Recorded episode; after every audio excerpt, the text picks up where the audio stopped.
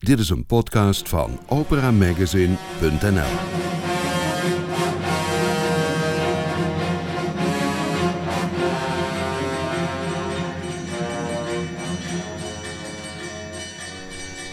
Welkom in Studio Nibelheim. Hier hoort u nieuws, achtergronden en interviews over opera en lied.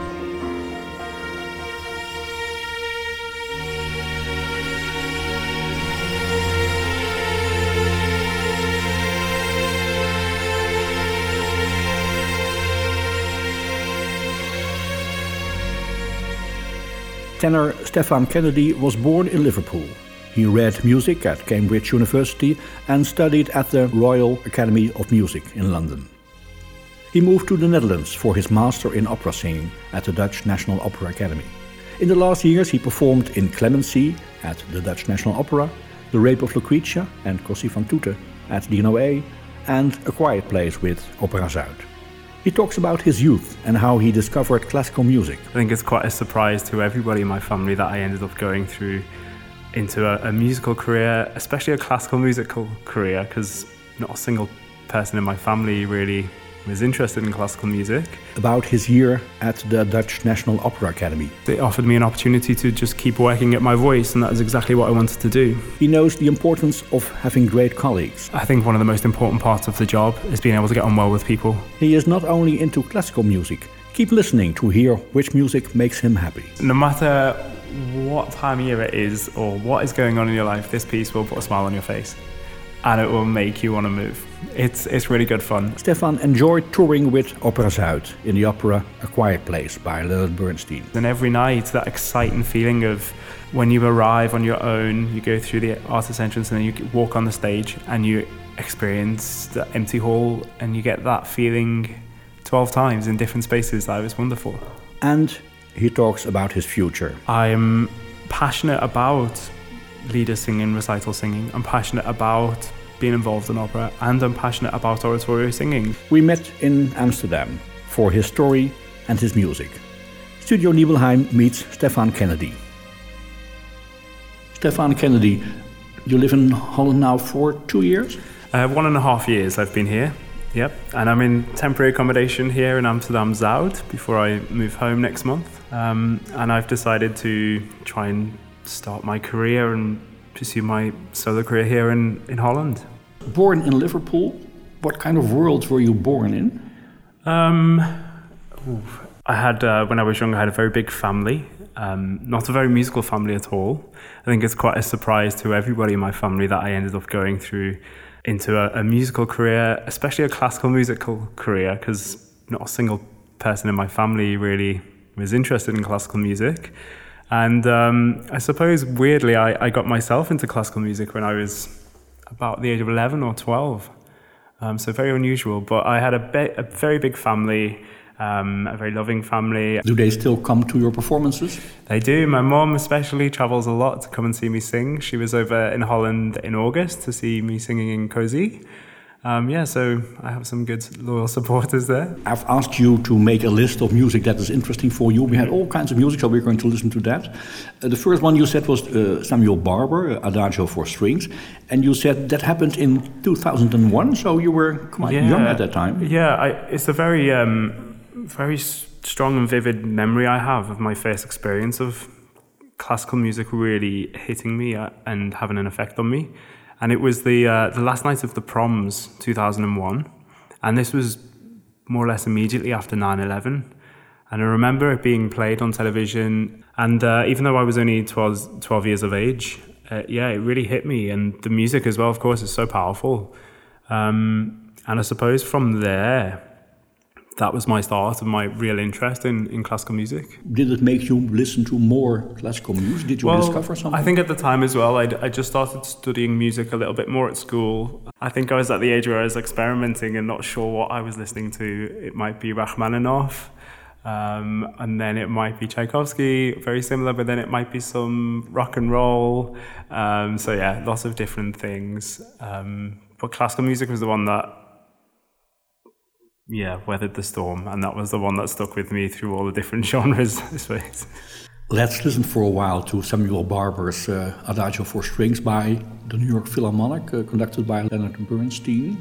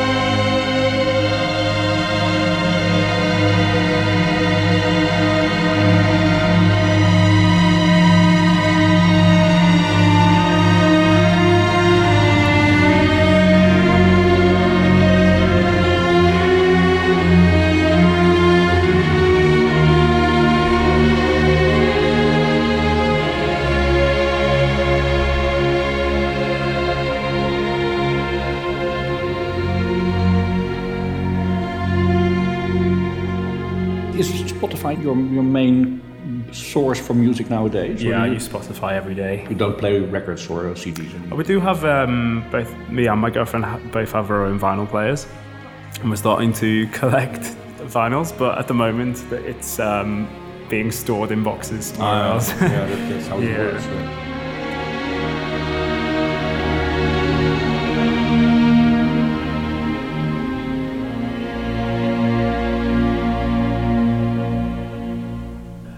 Was it not very uncool to be interested in classical music in your youth? Yeah, I suppose absolutely it was. I, I went to a state school in Liverpool, and it's not the type of thing that you would be popular for. Um, then again, neither was singing in the choir, which I did. I even remember as a child, my mum always laughs and said there was there was me up in one room playing classical music, and then my sister at the other end of the house playing R and B. Yeah, so did you convince anyone to also listen to classical music? Did you have an influence on your family, for instance? I think um, my mom does listen to certain bits. She's definitely a big fan of Jonas Kaufmann, I can say that. Um, I think my the one thing I could say there with influencing other people on music was I spent a few years as a teacher um, in a school.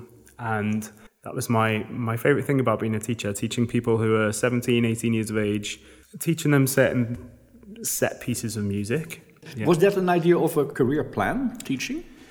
I decided once I left Cambridge University that I wanted to take a few years out before I would pursue singing.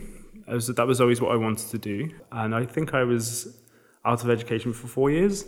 And in that time, a wonderful opportunity arose for me, and I, I took the job and um, I taught full time for three or four years. And yeah, thoroughly enjoyed it. It's um, it's not necessarily my my career path or aim, but it was a brilliant thing to do for, for those years. So I taught from primarily from 11 uh, year olds up to 18 year olds. Uh, I had a short spell teaching five and six year olds, which was much more interesting. to get them to Beethoven? Uh, not quite. yeah, getting them to maybe just clap a rhythm is enough. Yeah. On your CV, it says he read music at Clare College, Cambridge, and where he held a choral scholarship. Was that only theory? It was a lot of theory, a lot of analysis, um, some composition, very broadly theoretical. Um, but yeah, we there was little elements of performance you could choose maybe in your third year. So I chose to do a recital as part of my finals. But it means that you didn't have a real plan to become a singer in that time. You, you didn't study because of the idea of performing. It was the singing element, the, the choral scholarship that drew me. Um, but I wouldn't say when I was 17 and 18 that I, I knew 100% that I wanted to be a singer. I think it was being at Cambridge and performing a lot and singing more or less every day and suddenly having singing lessons every week and working towards maybe very small recitals. That's where my real interest in pursuing a, a singing career developed. Reading music, studying at Cambridge, then a few years off for teaching, and then you went to the RAM, the Royal Academy of Music in London. Yeah, that's right. How did that step happen? Uh, well, as I said, I wanted to take a few years out, and especially for male voices, there is absolutely no harm in taking some time. Um, and I'm very glad I did yeah, so it got to the point where I'd been a teacher for three or four years, and I thought, yep, I'm now ready. I think I was 26, and I thought I want to go and do my master's two year course, and um, yeah, so that's how that came about. Is it difficult to um, be accepted as a student at a Royal Academy? Um, I would expect so. Yeah, there's quite a lot of people audition and quite very high standards. Somehow I got accepted. Um, yeah, no, and I, I had uh, two years there, and I thoroughly enjoyed it. Mm. I had a very good teacher and um, some great colleagues and good friends made there. I know you were supported by a famous person. I want to sing in opera. I've got that kind of voice. I'd always sing in opera if I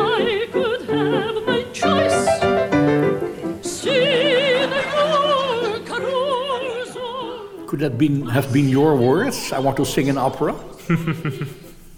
Absolutely. She, uh, she's such a wonderful person. We're listening to Patricia Routledge, who plays Hyacinth Bouquet in Keeping Up Appearances, and she supported you financially for the Royal Academy. Yeah, that's right. And um, actually, when it comes to doing a master's program, you often have to fund that yourself, and they are very expensive. And uh, she was very generous. I, I got to know her at Chichester where I, I sang in a cathedral choir for a few years. And I sang the, um, the role of evangelist and John Passion there and spoke to her afterwards. And she was very nice to me. And yeah, she's been so supportive ever since. You did a master. What was the subject of your master in uh, in the Royal Academy? The Royal Academy that was um, singing. So as a part of that course, there were different elements. We we would have singing lessons, coaches that we would see. We would have song classes. Um, we would ha- get to do small opera scenes. Um, and then we would also get drama lessons and l- language coaching. So it was a real wide, um, wide range of, of topics within singing. Was it a good base for your further career? Yeah, absolutely. I helped me develop a lot. I, I got some good experience singing, even in just some opera choruses there. I got some great opportunities as a, as a soloist also. Um, they had a Bach cantata series at the Royal Academy, which is still going, and I was able to sing as a soloist in some of those performances. I sang the role of Acis in um, Acis and Galatea, which was a great experience working with Michael Chance on that. So yeah, a lot of small projects that really helped develop me as a as an artist. How far were you in your development when you finished uh, the RAM? I think um, I think I'm still on a on a journey, um, and I wanted to continue pushing my voice as far as I could. So once I finished at the academy, I was looking for opportunities to help me continue studying. Um, and that's how I ended up here in Amsterdam.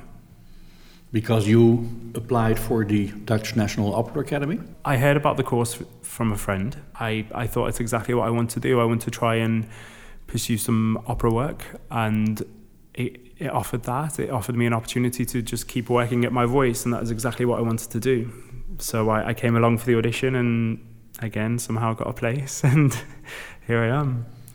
You did big productions. You did The Rape of Lucrece, where you were a male chorus. Then came um, Così fan tutte. Mm -hmm. In between, we did a, a, short production of Carmen, and I sang the role of El Raimondado in it. singing a lot of first Britain, then Mm-hmm. a lot of Mozart. What does that do to your voice? Well, th- they were two fantastic roles for me, s roles that I'm hoping I will do more and more in my career. Um, the the Britain is a great role to sing. It has so much colour and variety, and you learn a lot about your voice, whether it be stamina or how to manoeuvre certain corners and what colours to bring out at different times. I th- and I think the Mozart is then a very different challenge. Um, less opportunity to find those different colours and varieties, and and a, a, a much bigger challenge of stamina. I'd say, stamina, I'd say, on, on the voice. How is it to work with a director? You worked with uh, Maria Ricarda Wesseling for the Britain piece, Mhm. and then with Daniel van Klaveren for the Così van Tutte. Um, well, it, I think every director offers something different and different approaches. It allows you to maybe find your character in different ways. Um, so, sometimes the staging can restrict you. Sometimes you feel that you have too much space. So it's, it's um, yeah, each each production will bring you new challenges. First day of rehearsals, you prepare your music as well as you can, and you have an idea of what your character will be and how it might fit within what you think the production might be like. But then you turn up on day one and it's very different. So yeah, it's it's always fun and exciting, and uh, and then you have a long rehearsal period to to let that character develop. Do you feel sometimes powerless in relation to a director?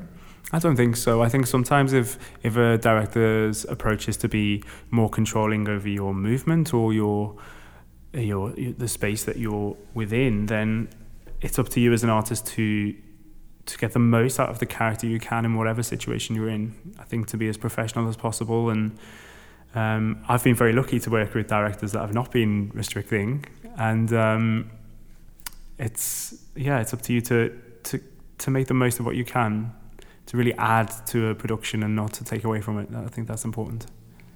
Let's talk a bit later about opera because you're not only an opera singer, you do oratorio and you also do lead. And one of the pieces on your list is uh, Ich grolle nicht from Schumann's Dichterliebe, recording by uh, Fritz Wunderlich with Hubert Giesen on piano. You said in your list the music that made me want to pursue singing further. Was it so important? Yeah, this takes me back. This this cycle and this piece, and Fritz Wunderlich in particular. I think I, as I mentioned, when I got to Cambridge, I started to have singing lessons every week. I started to put together small recitals, and this was the first cycle I learned. Quite quite a challenging one, and the recording by Fritz Wunderlich uh, is is wonderful, and his voice, like I think for a lot of young tenors, has been an inspiration to me. Um, and it also just takes me back to some very good personal memories um, of having fun with my friends and singing through this repertoire. And um, yeah, it just, this was when I was really getting to know Lieder and, um, and falling in love with the repertoire as well. So that's why I've chosen this piece. Um, how do you listen to someone like Fritz Wunderlich? What is special about his way of singing? I think the the timbre of his voice is, is unique. It's very beautiful, and that's something you can't necessarily train for. But you can listen to within certain vowels how he maybe maneuvers certain parts of his voice to get such a present and focused sound. So so um, I will particularly listen at certain phrases that I'm finding difficult to sing, and I listen to each single note, and I think, okay, what vowel are we on then? How, exactly how is he placing that vowel? And I then maybe go and have a go myself. And it's not it's not a case of trying to replicate the sound of somebody else, but just just listen to someone who makes it sound so effortless. Um, and thinking that probably wasn't so effortless for him all the time. So how has he got this to sound like that? And it's the same with other top top singers that make it sound so easy. I think it's good to listen to them and try and understand exactly what is going on in their singing.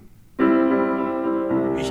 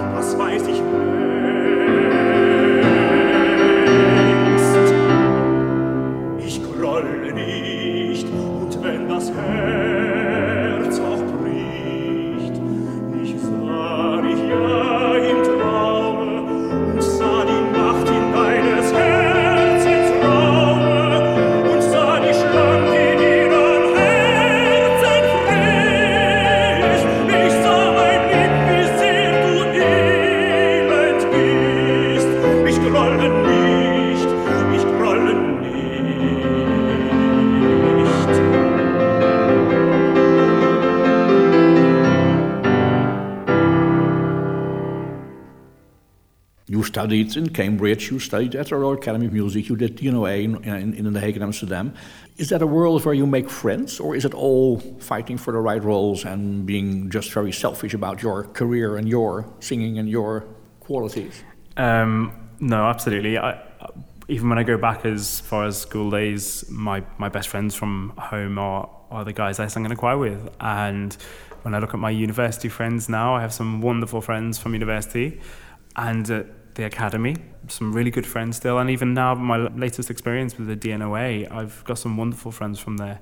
And it's something that, of course, there are singers out there who maybe um, take pursuit of the career maybe slightly too serious. Can I say that? Mm-hmm. Yeah, but I think it's very important, especially you know when you're working together. If it's a, a consort, if it's a, an, an opera, and you've got colleagues that you're spending a lot of time with, it's really important to get along. And it's I think one of the most important parts of the job is being able to get on well with people.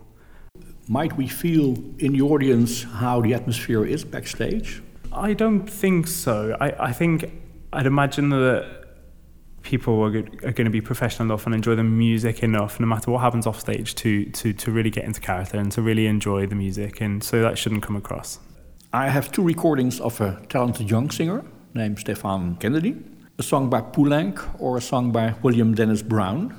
What should we listen to now?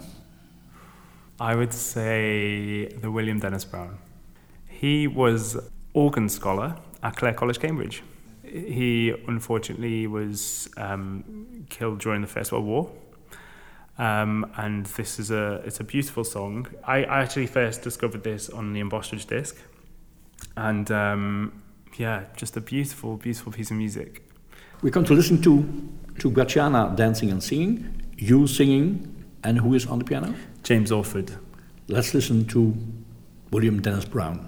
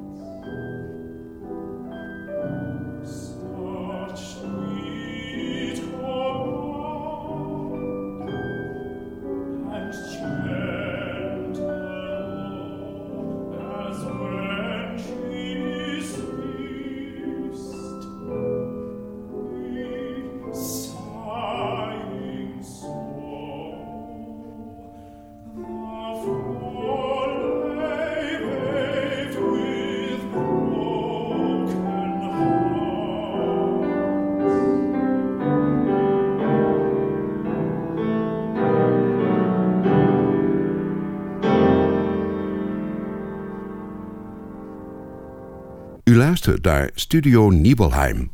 There's a lot of space in this room, you can hear that a bit in the sound, so why not dance a bit?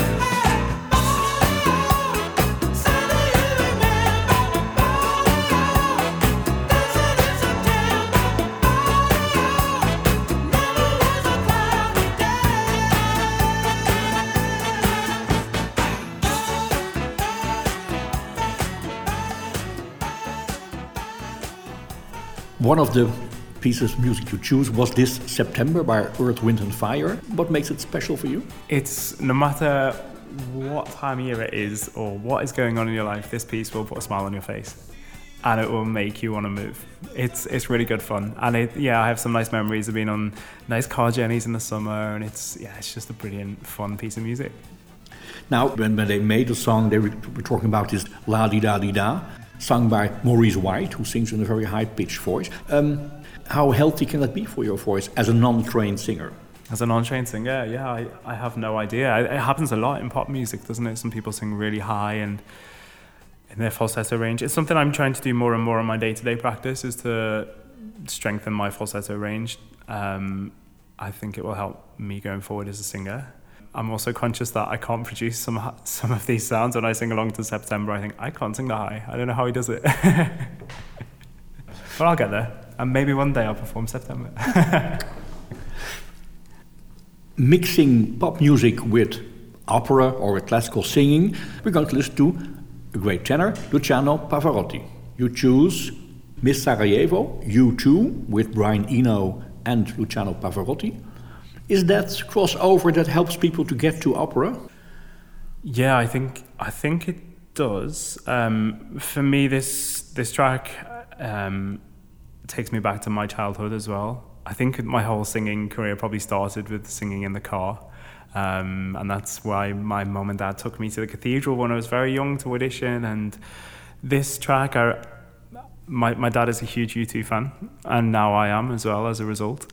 Um, and I remember listening to this in the car when I was about 14 years of age. And so, you know, I was interested in classical music, and um, but I also enjoyed listening to you two. And I remember hearing this and being amazed by their voice and thinking, "Wow, whose voice is that?" And uh, that was the first time I heard Pavarotti, and and now I listen to Pavarotti every single week. So so often, yeah, it's just an incredible voice, and I yeah. So for me, it's it's a very nice piece. I think it does help people access maybe opera, but I'm not sure it really gets people into the theatre by listening to this type of music. But at least it. it it um, expands the audience and expands the appreciation for opera, I think. Miss Sarajevo by U2, Brian Eno, and Luciano Pavarotti. Is there a time to offer cover? A time for kiss and tell? Is there a time for different colors, different names? You find it hard to spell. Is there a time? for first communion, a time for E17. Is there a time to turn to Mecca? There time to be a beauty queen? Here she comes.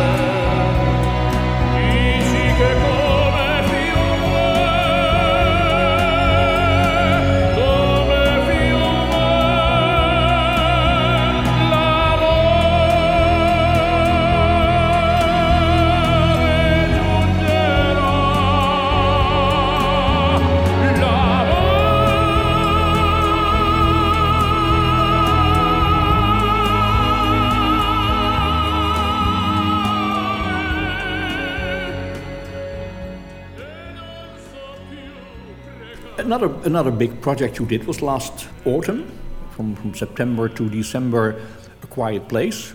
You were seeing the role of the analyst. No, yes, not the therapist, but the analyst. That was maybe for the first time such a big touring gig you had. It was a, a great experience for me again. The role was fun as the analyst. I got to play quite a mean character for I think the first time, and that was that was a new experience and a lot of fun to suddenly go on stage and be someone that was so far removed from myself. What what's apart from the singing? What is special of going on tour and not being just one night in a theater, but playing 10, 12 times? I think the, the big experience for me here was that I just moved to Holland, um, as I said, a year before.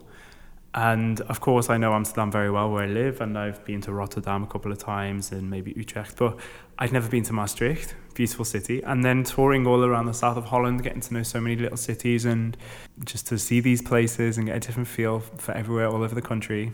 Um, so that was lovely. And then, yeah, to go into so many different theatres and every night, that exciting feeling of when you arrive on your own, you go through the artist entrance and then you walk on the stage and you experience the empty hall and you get that feeling 12 times in different spaces. That was wonderful.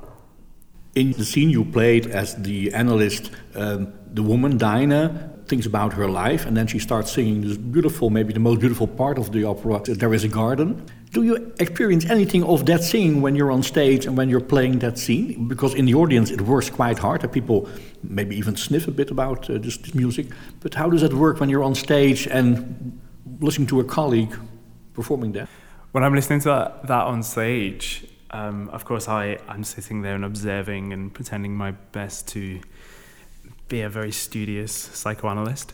Um, but I'm also really just enjoying it as as a kind of mini concert, if you like. You know that that, that short aria is, is very beautiful, and for me, there's there's there's no real demand on stage, so it's just a case of sitting and enjoying and and sometimes also being a support for my colleague, um, and um, whether that be sometimes the props are suddenly not on the right place, so oh, quick, change this, or or or just you know in in the slight moment she has to turn around and we have a bit of eye contact and a bit of you know moral support. It's just um, it was nice to just sit back and enjoy that music and.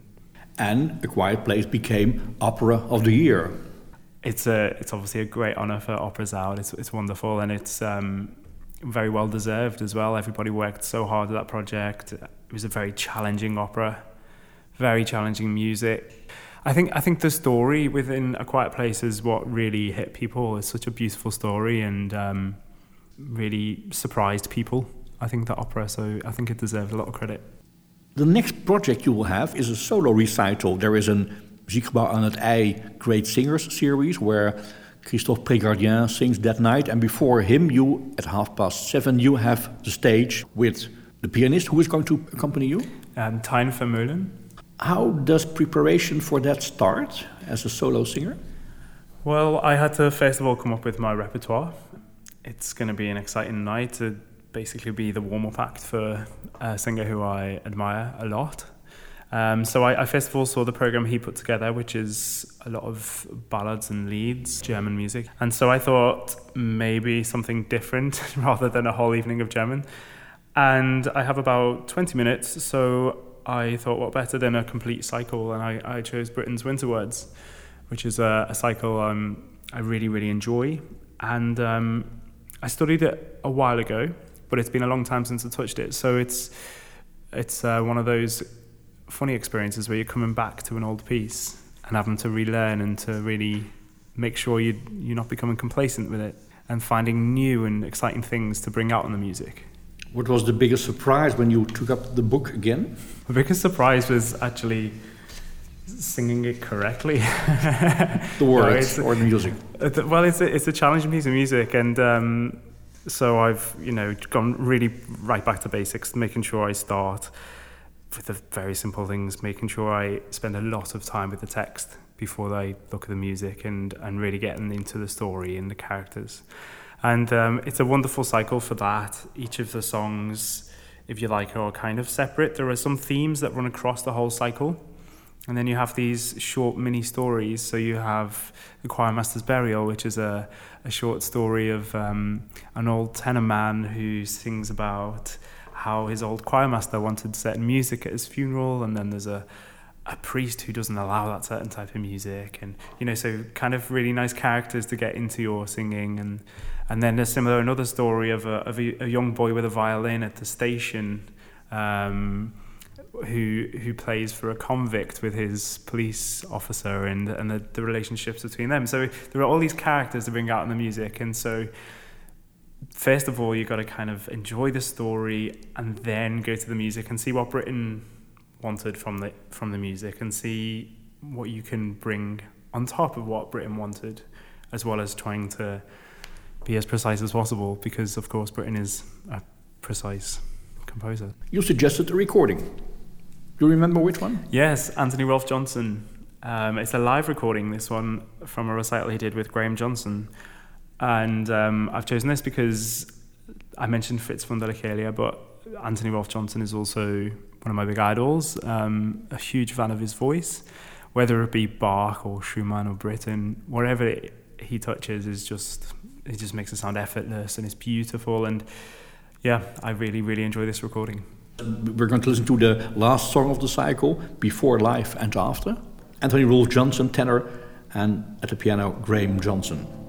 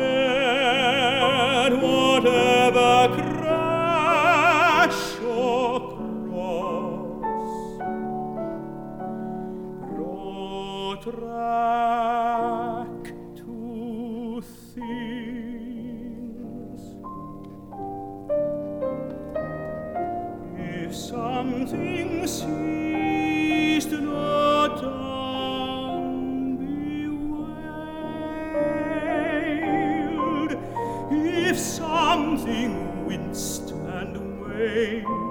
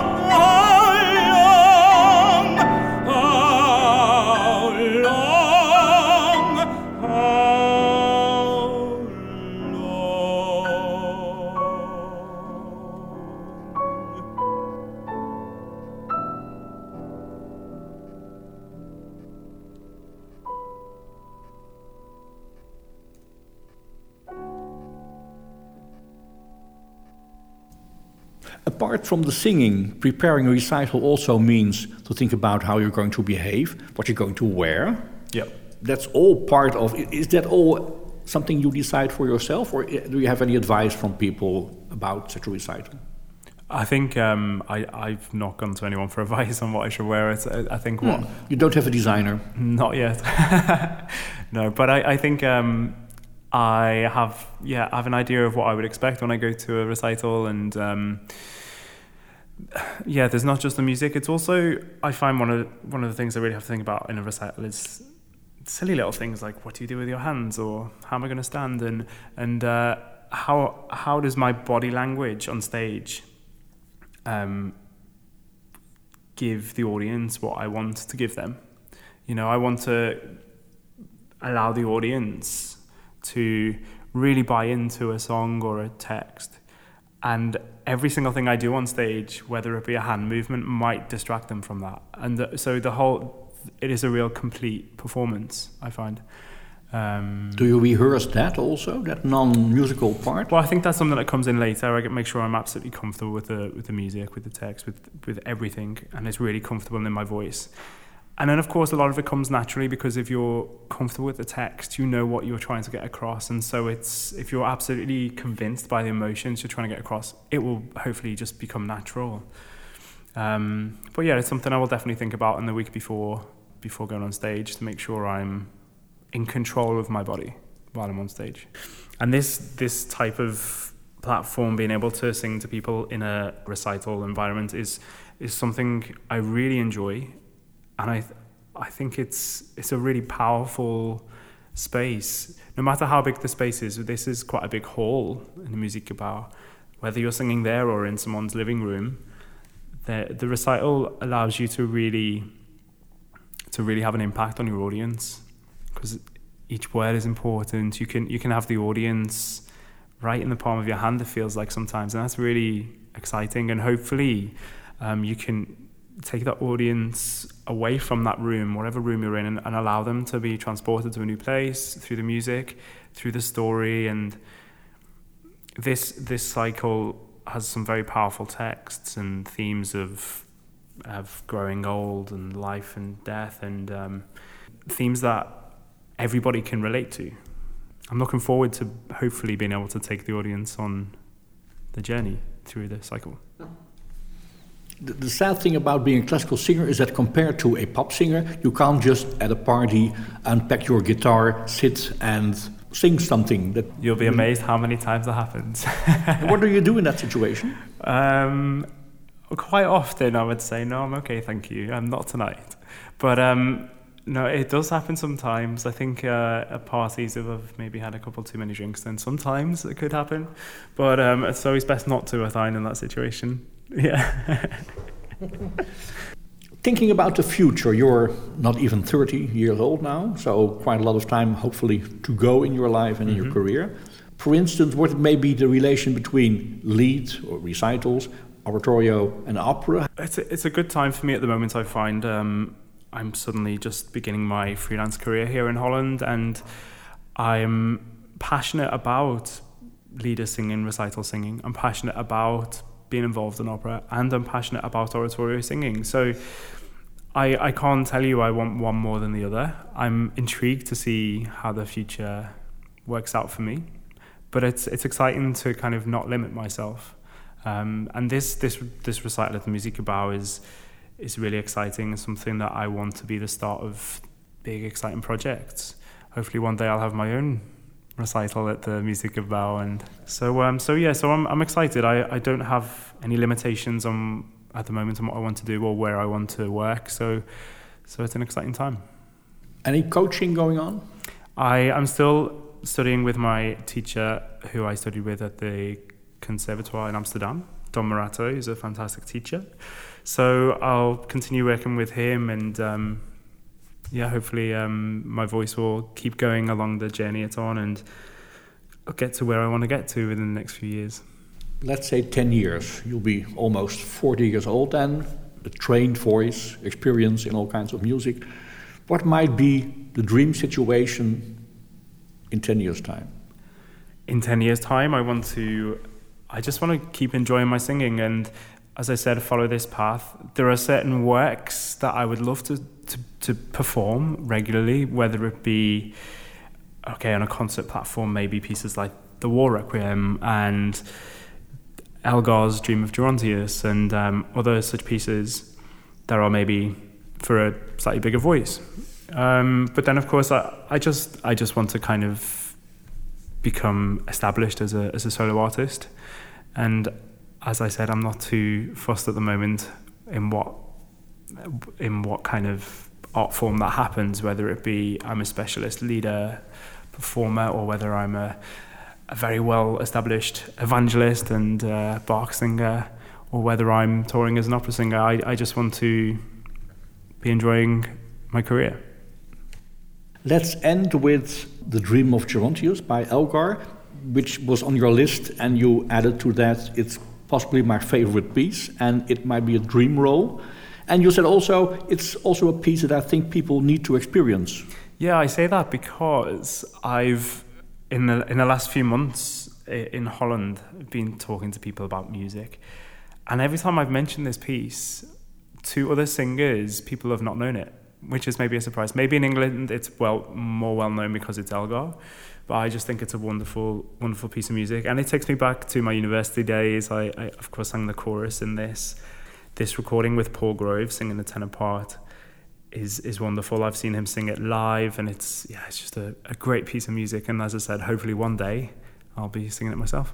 I've chosen this specific section because it, it just within the space of a few minutes, it, it shows you the the dramatic side of the the soloist voice. It also has the most intimate choral music. Um, so it's it's really beautiful music at times, and at other times really dramatic. Um, it's a great piece. The Halle Orchestra with uh, Sir Mark Elder as a conductor and then tenor soloist Paul Groves. Let's end with that. Stefan Kennedy, thank you so much for your time. Have a great career and see you soon on stage, in opera, in oratorio, or in recital somewhere in the world. Thank you. Thank you very much. Oh.